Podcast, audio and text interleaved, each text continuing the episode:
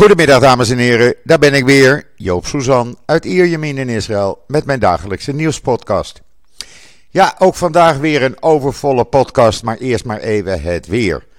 Nou, het is 20 graden, het is wat bewolkt, af en toe een flauw zonnetje. We zijn in afwachting van de regen die vanaf vanmiddag uh, op Israël uh, zal neerdalen. En dat uh, blijft dan uh, ja, af en toe buien uh, gedurende de middag, de, de, avond, de nacht. Morgen en donderdag ook nog. En dan zou het vrijdag iets beter gaan worden. We hebben het water nodig, dus ach, het hoort erbij, zullen we maar zeggen. En 20 graden, het is nog best te doen. En dan COVID in Israël. Ja, het loopt weer op, het aantal viruspatiënten. Maar aan de andere kant dalen ook de patiënten in de ziekenhuizen. Dus het blijft een beetje in balans.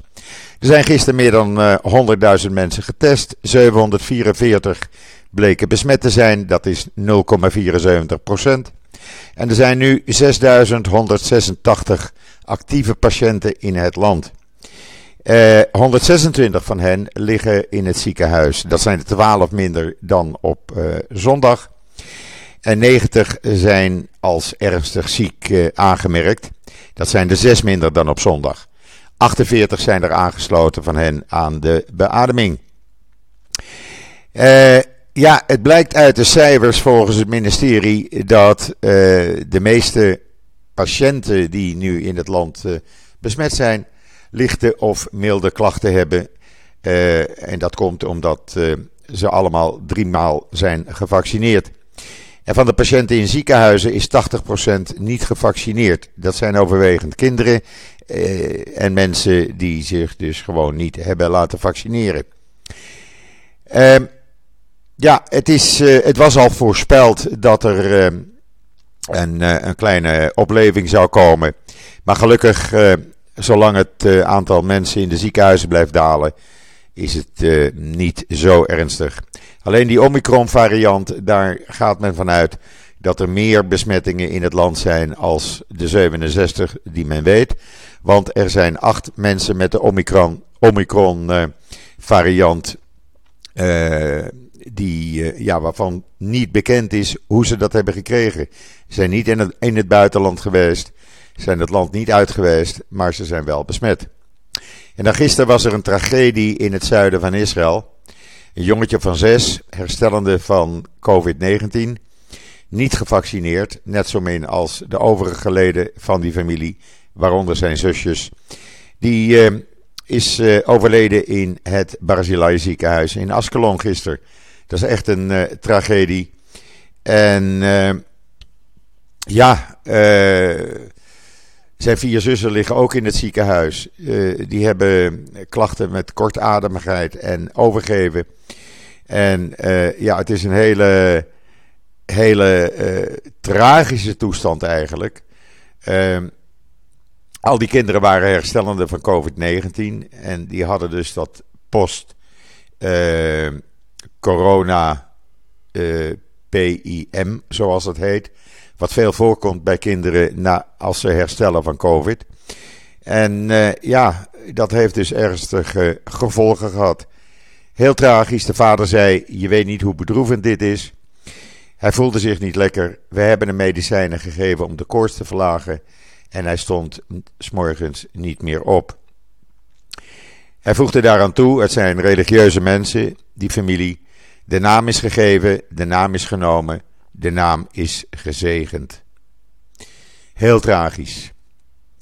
Uh, ondertussen is uh, premier uh, Bennett teruggekomen uit Abu Dhabi, waar hij een heel succesvol ja, uh, gesprekken heeft gehad met de leiders, met ministers.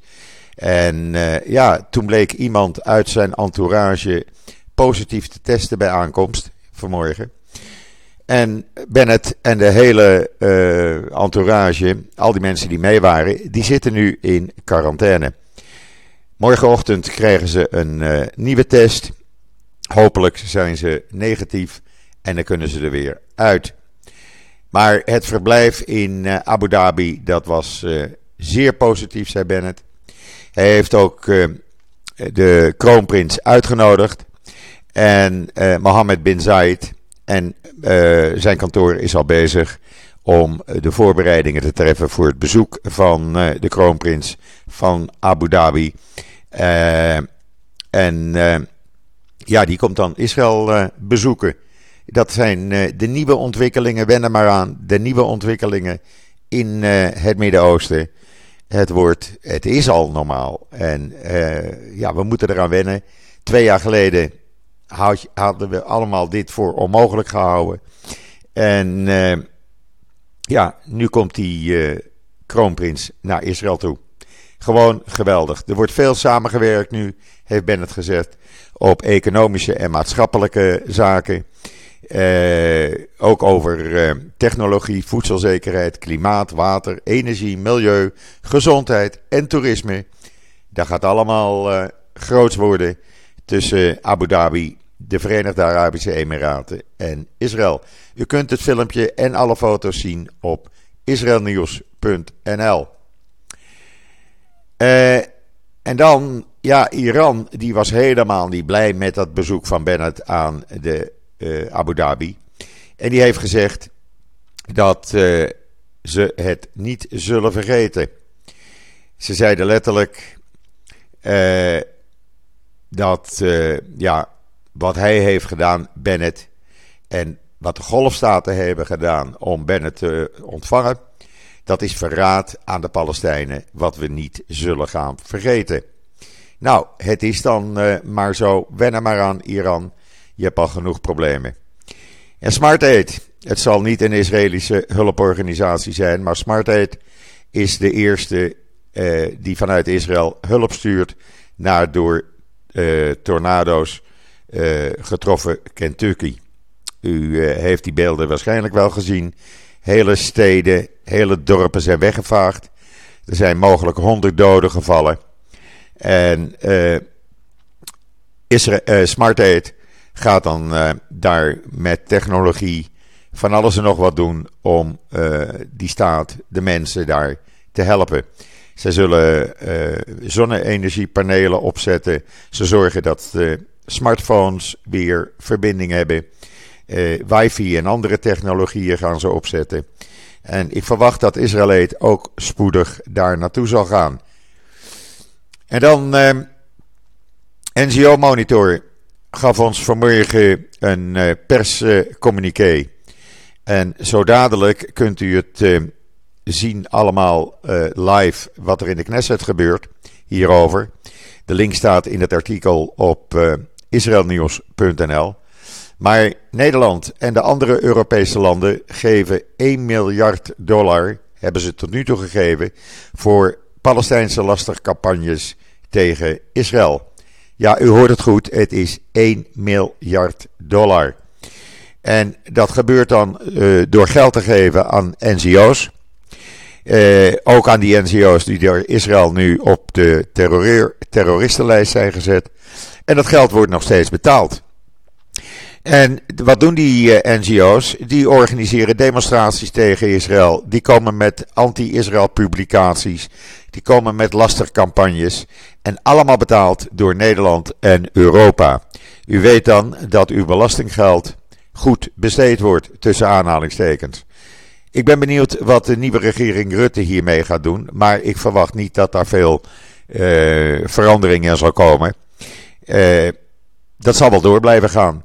Want we weten dat de mensen op buitenlandse zaken, de ambtenaren daar, overwegend anti-Israël zijn in Den Haag. Dat is bekend. Uh, het is zelfs zo dat degene die uh, de ambassadeurs in het Midden-Oosten benoemt, binnen het ministerie van Buitenlandse Zaken in Den Haag, lid is van het Palestina-comité. En ook af en toe schrijft onder een andere naam op Electronic Intifada. Dat u dat maar even weet. Um, strakjes om 12. nee, nu is die uitzending aan de gang.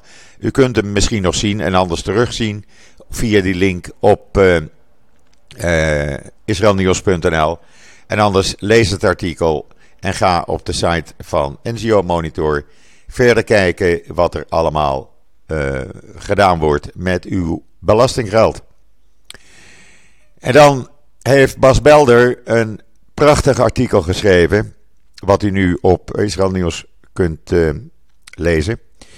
En dat gaat over extremisme, extremisme-expert Ahmad Mansour, een Israëlische Arabier die in Duitsland woont, maar persoonlijke bewaking nodig heeft, omdat hij zich uitlaat tegen de Jodenhaat en het islamisme in Duitsland.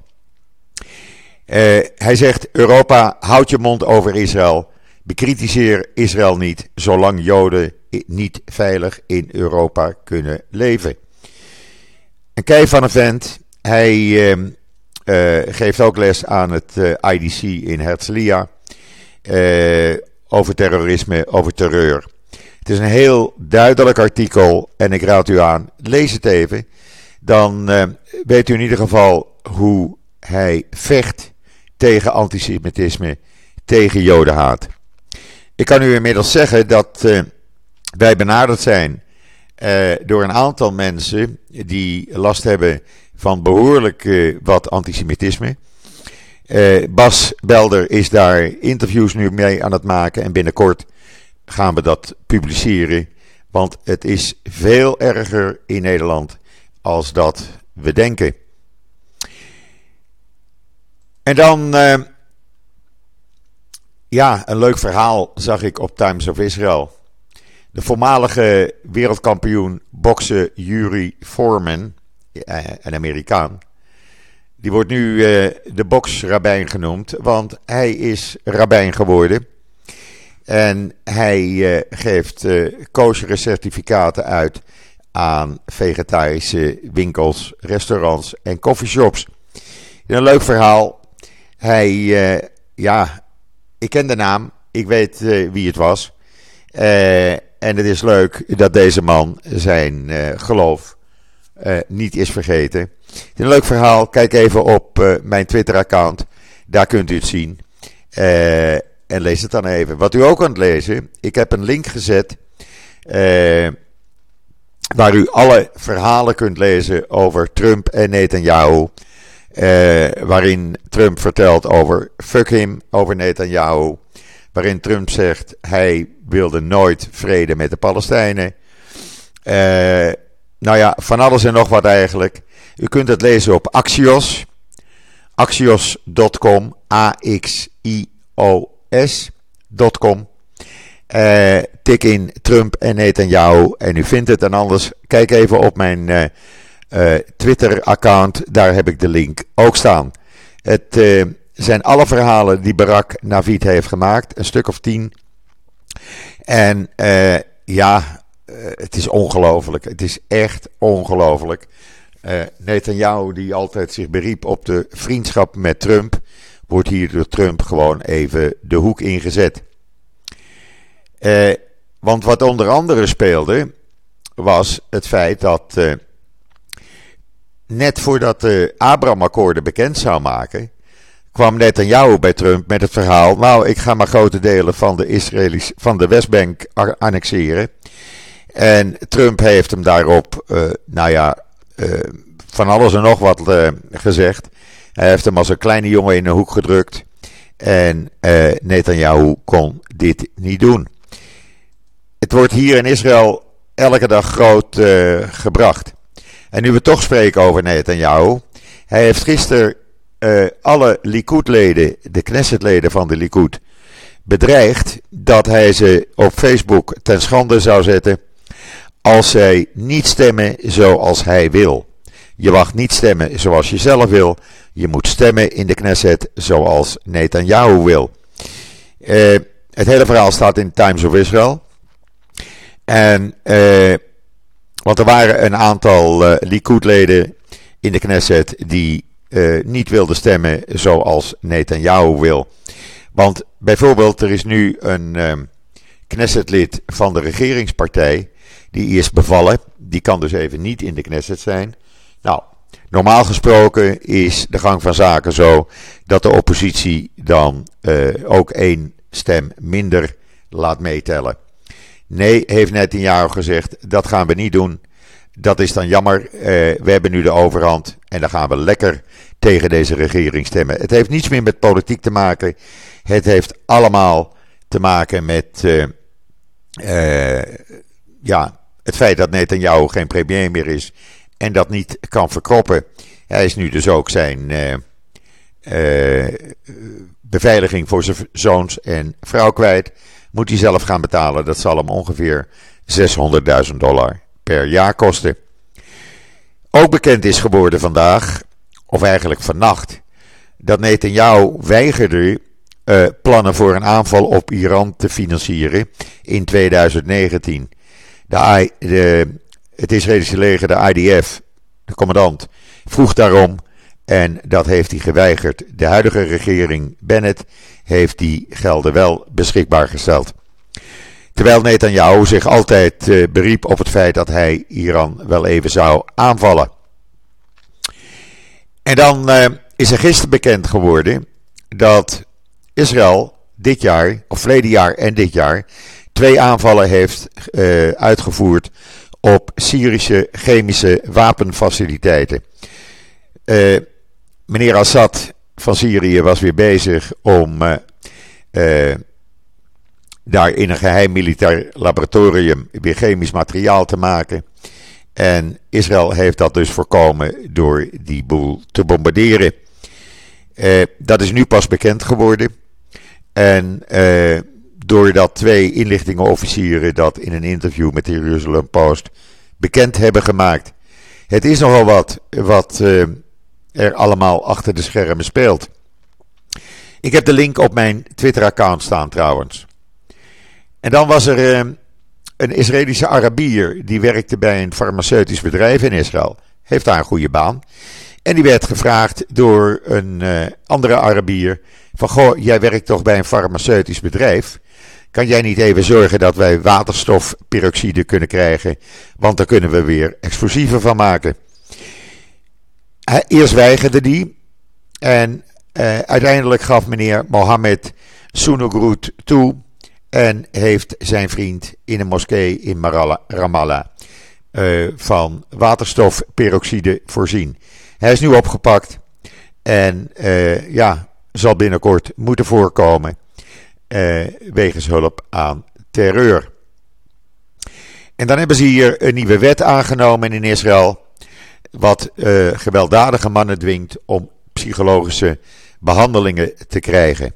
Mannen die hun vrouwen mishandelen, hun kinderen mishandelen, die worden verplicht, uh, krijgen verplicht psychologische, psychologische behandelingen. Ik vind dat een hele goede wet.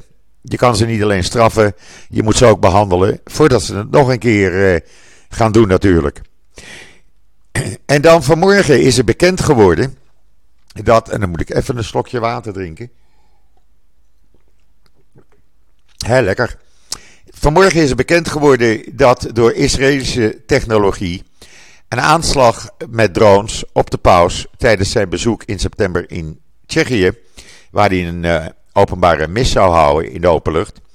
Uh, een aanslag op de paus is door die Israëlische technologie voorkomen.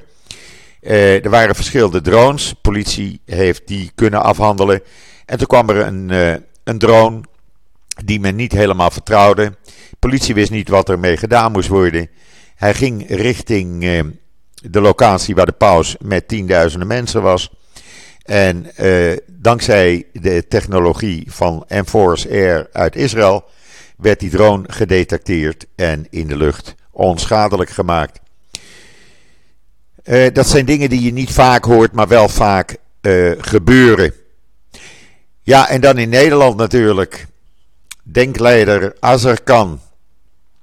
Die uh, bleek in maart toch positief getest te zijn dit jaar. En die is ondanks dat gewoon naar een kamerdebat gegaan. Ik vind dit ongelooflijk. Ik vind dit andere mensen in gevaar brengen.